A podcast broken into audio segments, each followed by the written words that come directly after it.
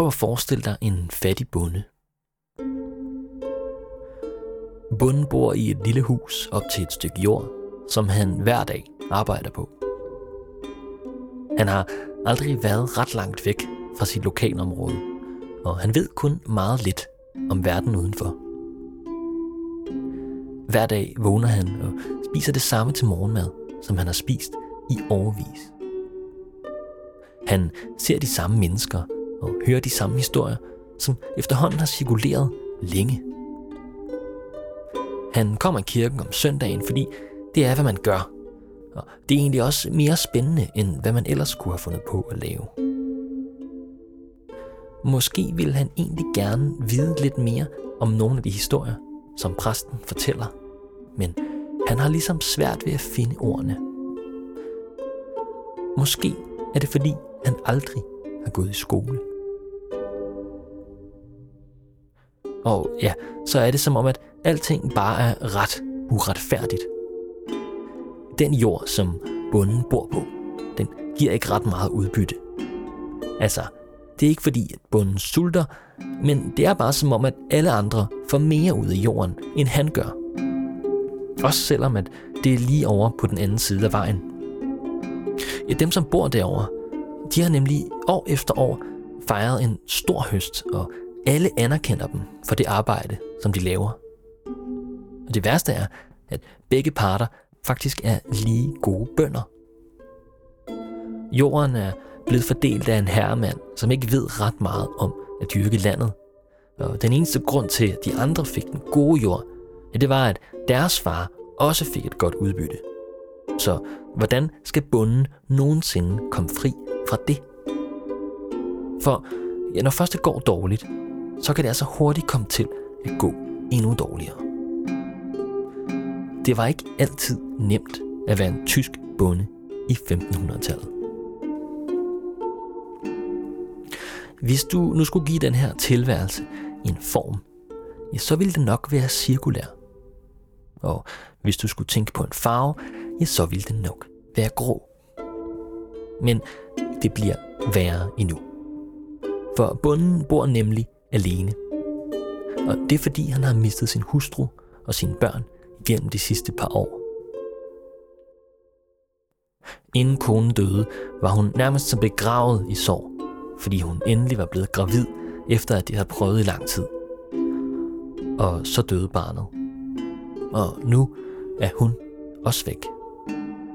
Det var dråben, som fik bæret til at flyde over. For hvordan skal man kunne forklare al den her uretfærdighed? Nogen må have snydt. Og når det nu har været sådan her, så længe nogen kan huske, og det eneste man ved, det er, at der altid er en mening bag tingene. Fordi det har man lært op i kirken. Ja, så står det altså lysende klart, at nogen har brudt reglerne. Og når man nu også har hørt godt efter op i kirken, sådan som den her bonde jo selvfølgelig har, ja, så er der jo altså en måde at snyde på, der virkelig virker. Måske har du allerede lagt to og to sammen og regnet ud, hvem det er, jeg beskriver. For i vores historie her, der er den her bonde selvfølgelig Lukas. Velkommen til tredje afsnit af En Dans med Djævlen.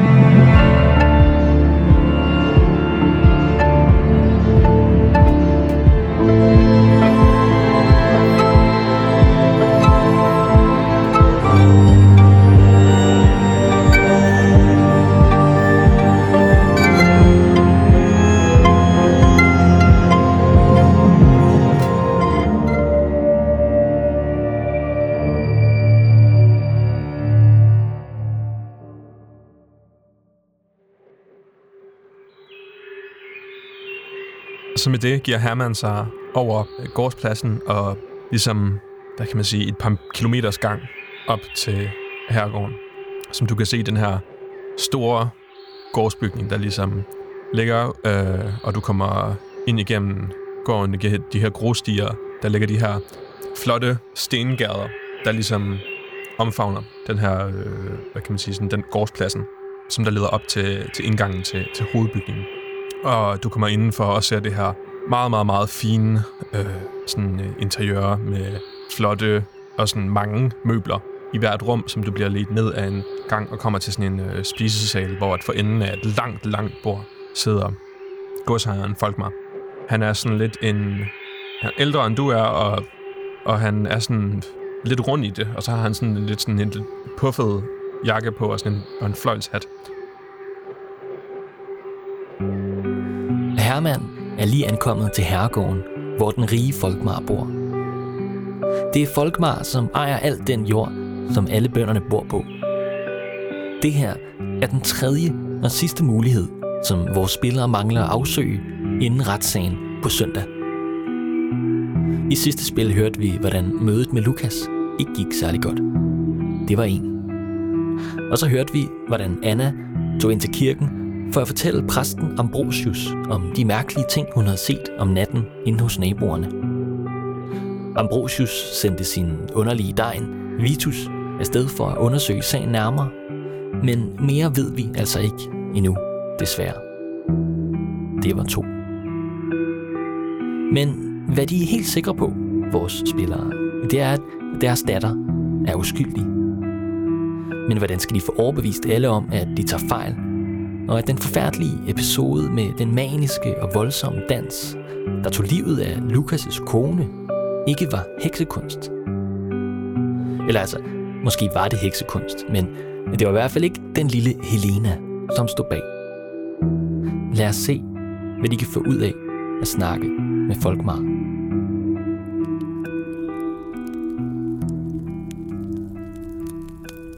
Og har der blikket op mod dig og siger, Herman, mig.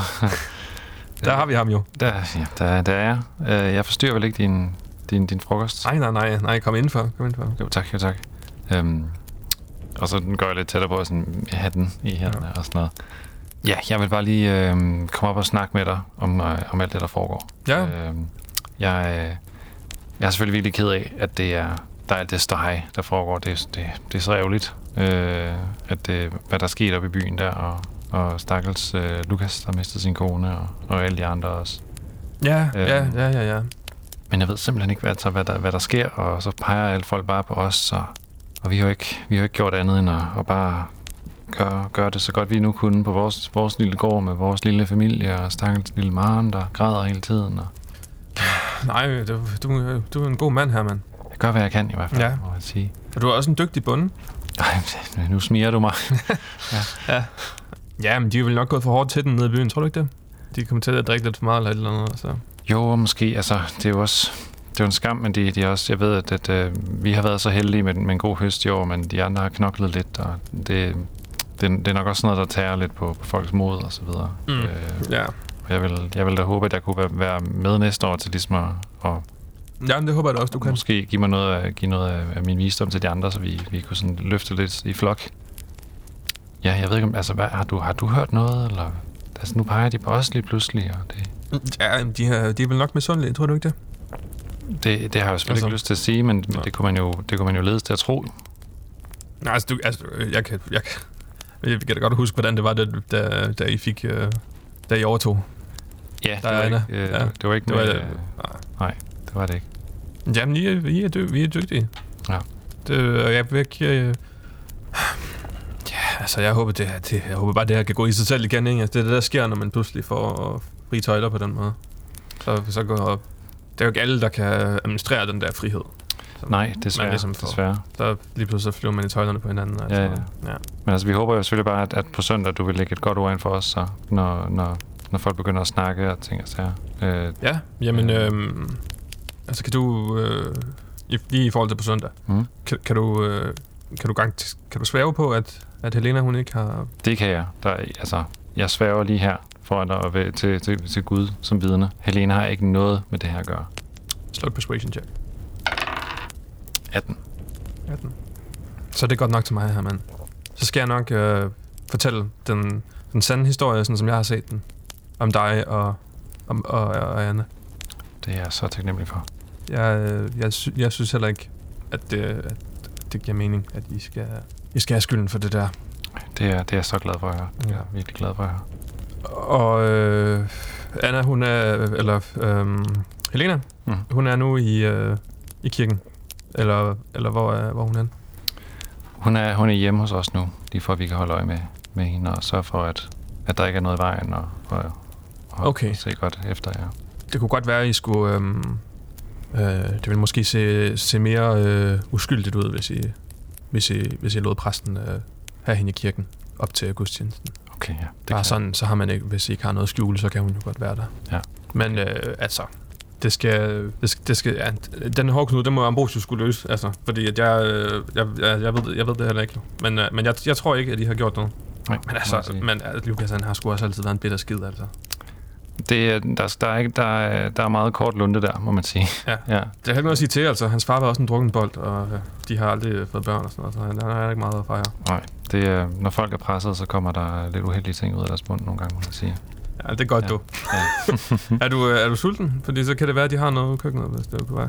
Altså, nu du siger det med min, min datter og kirken, så tænker jeg, at jeg måske burde skynde mig lidt på det, for, for ikke at, at, at, at komme i et forkert. Ja, ja, nej, det er også Men, øh, rigtigt. Det er Men, også. øh, men, øh, men, men øh, jeg skal da heller ikke, altså, jeg skal heller ikke... Øh, Anna og Herman går med til, at Helena skal tilbringe natten i kirken. Måske kan du huske i første episode, hvor det her ellers var noget, som de var meget imod. Jo nemmere gøre en fortræd i vores hus end i Guds hus. jeg tager bare ikke efter dig. Men nu virker det som om, at alle knep gælder for at vinde stemningen. Og hvem ved, om der ikke også skulle vise sig at være en ekstra lille mulighed for at få lagt et godt ord ind hos præsten, når nu man er i kirken. Alt hjælper jo.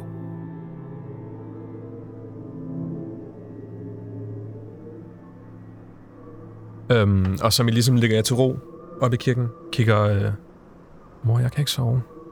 Nå, kan du ikke sove? Hvad nu, hvis jeg skal brændes? Nej, det skal du da slet ikke tænke på. Det skal du jo ikke. Du har jo gjort Det noget. er sådan noget, de gør ved hekse.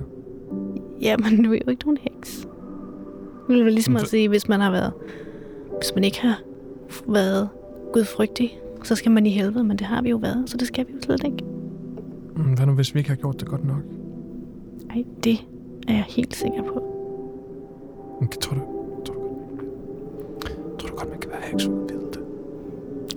Nej,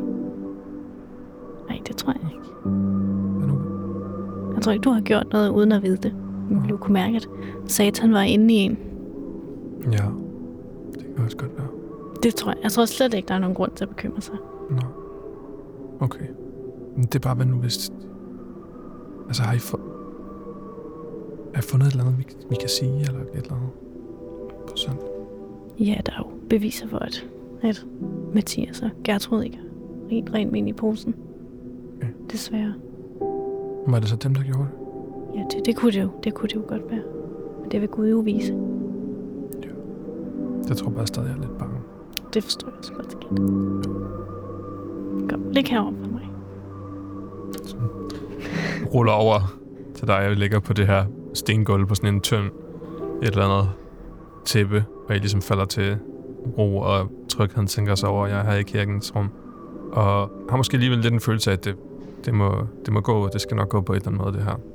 Nej, jeg tænker måske, øh, nu jeg er i kirken, Mm. mm. vil jeg måske lige tale med Ambrosius. I løbet af lørdagen finder du helt sikkert et eller andet tidspunkt og, og, og fanger ham på.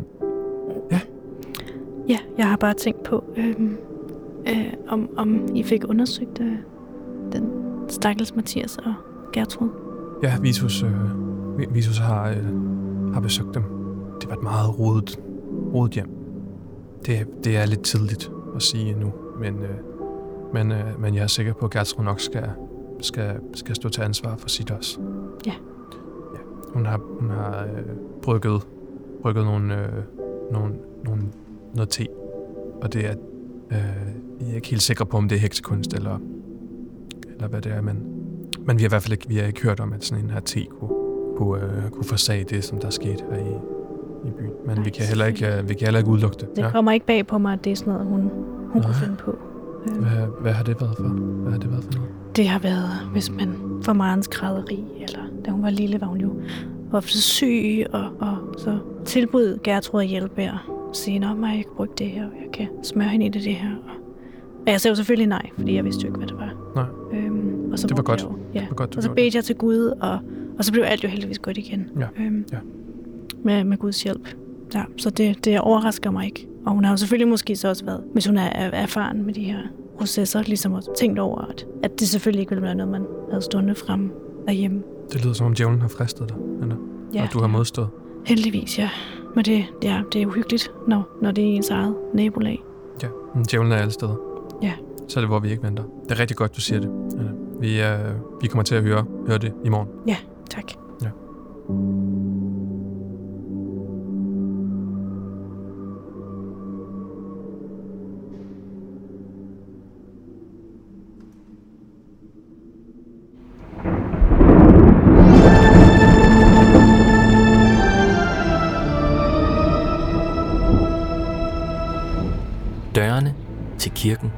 Går op.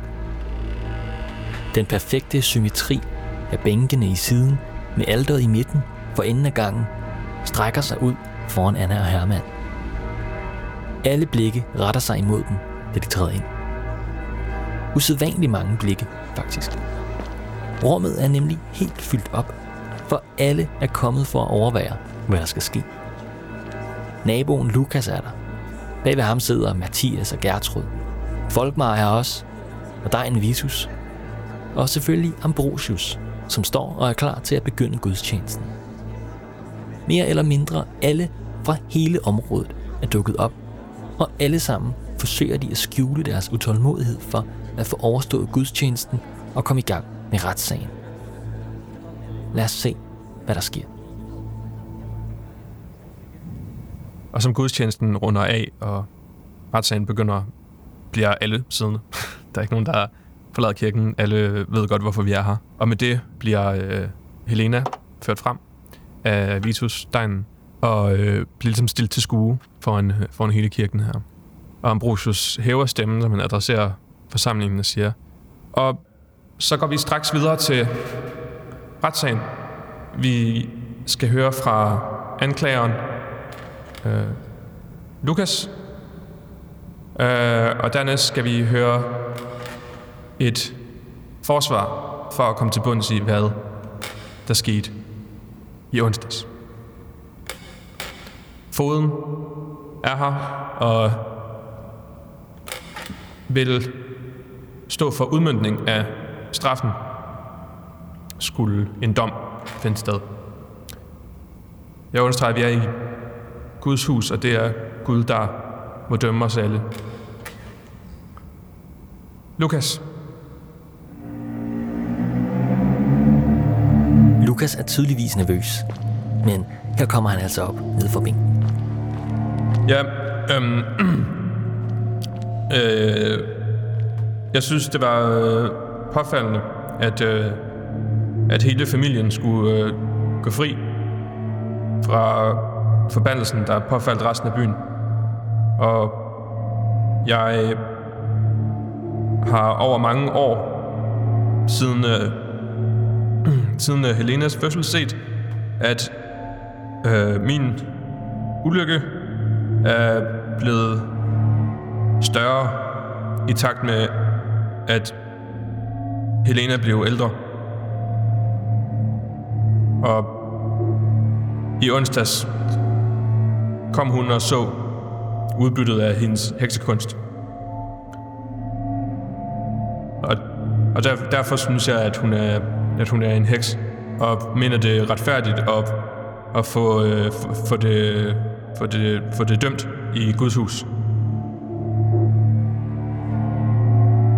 Der er helt stille, mens Lukas går tilbage til sit sæde. Men stillheden bliver brudt af Folkmar. Ja.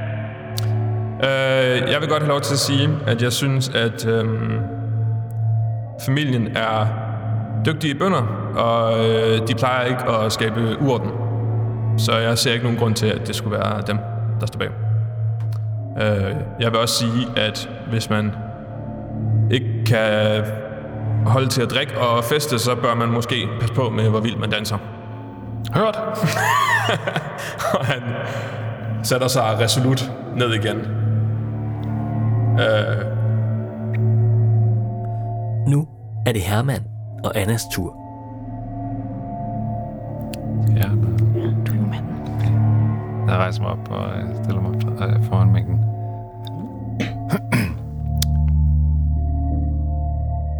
Kære alle sammen.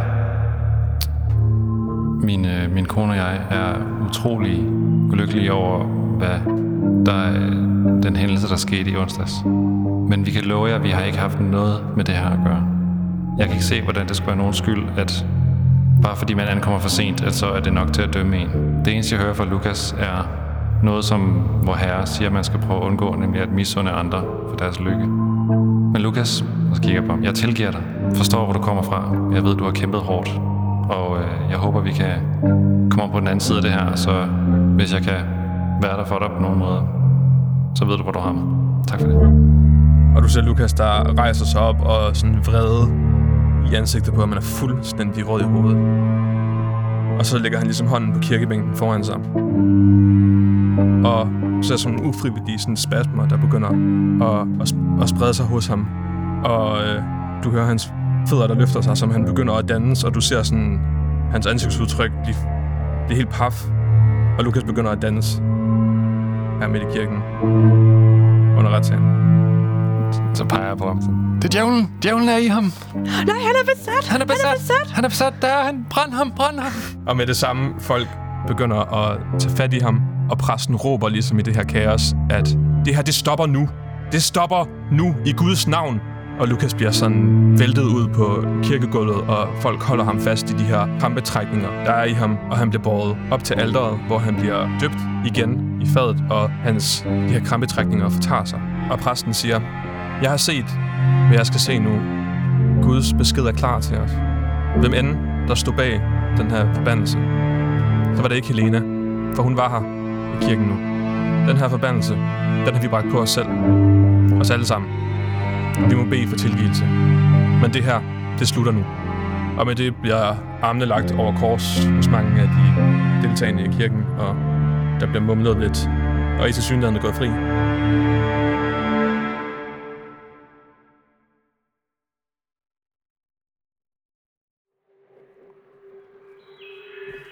Retssagen er slut, og Helena er blevet frikendt.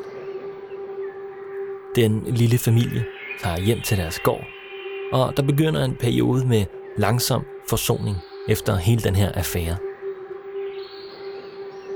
Og med det, I har ligesom sådan øh, taget del i den her meget sådan underdanige tale, der omkring hele det her fænomen, og, og heldigvis er det overstået, og nu kan vi komme videre, og Gud har afgivet sin dom, og det var selvfølgelig ikke jer, og overraskende hurtigt skifter det her med, at I lige pludselig var skurkende til, at nu er I accepteret igen, og de mennesker, der før og rev Helena ud af hænderne på jer, og sådan noget, kommer hen og hilser og siger, ja, men det var også lidt forhastet, og Jamen, vi det var jo også lidt, altså. Ja, ja. Ja, Ja, ja, Vi bliver så, man bliver jo bange, ja. ja, ja, ja, det er, det, øh, det beklager jeg selvfølgelig meget. Jeg tænker, at vi prøver at finde Lukas og være sådan, nej, er du okay? Og det var godt nok uhyggeligt, at djævlen lige blev fat i dig. Og... Lukas er, er, er helt gradfærdig oven oven på retssalen og på gudstjenesten, og tager sådan forbeholdent imod din undskyldning. Er sådan virkelig sådan, ja, det, det er Guds vilje. Men øh, hvis det skulle være tid til en, en, en flaske nummer to, over lidt andre ord, så, øh, så kan du altid komme og banke på. Ja, ja, ja. En dag. En dag, ja. Så øh, moonwalker jeg væk. Nej, så vender jeg mig om, og øh, med hastige skridt. jeg kommer hastigt lidt akavet skridt tilbage til min kone. Ja. Din kartoffeltud redder os igen, skat. Endnu en gang. Og dit kløgtige sind. jo. Okay. og med det, øh, øh, det er et par, øh, et par måneder efter, hvor at, øh, der er endnu et skifte, hvor at Mathias og øh, Gertruds øh, jord bliver omfordelt igen. Bliver delt mellem jer og Lukas, jeres nabo. Og alt under fred og ro, indtil et par nætter efter den her omfordeling. Hvor at I vågner ved et brag, og der er ligesom omtumlet sådan kommer op og kigger udenfor, hvor I hørte det her, så ser I ligesom en knust flaske glasskår, der ligger foran jeres dør.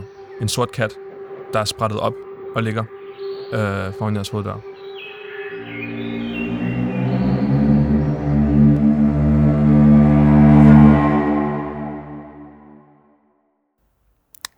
Mathias og Gertrud all along. Det Hvad var, sagde Det var dem, ja.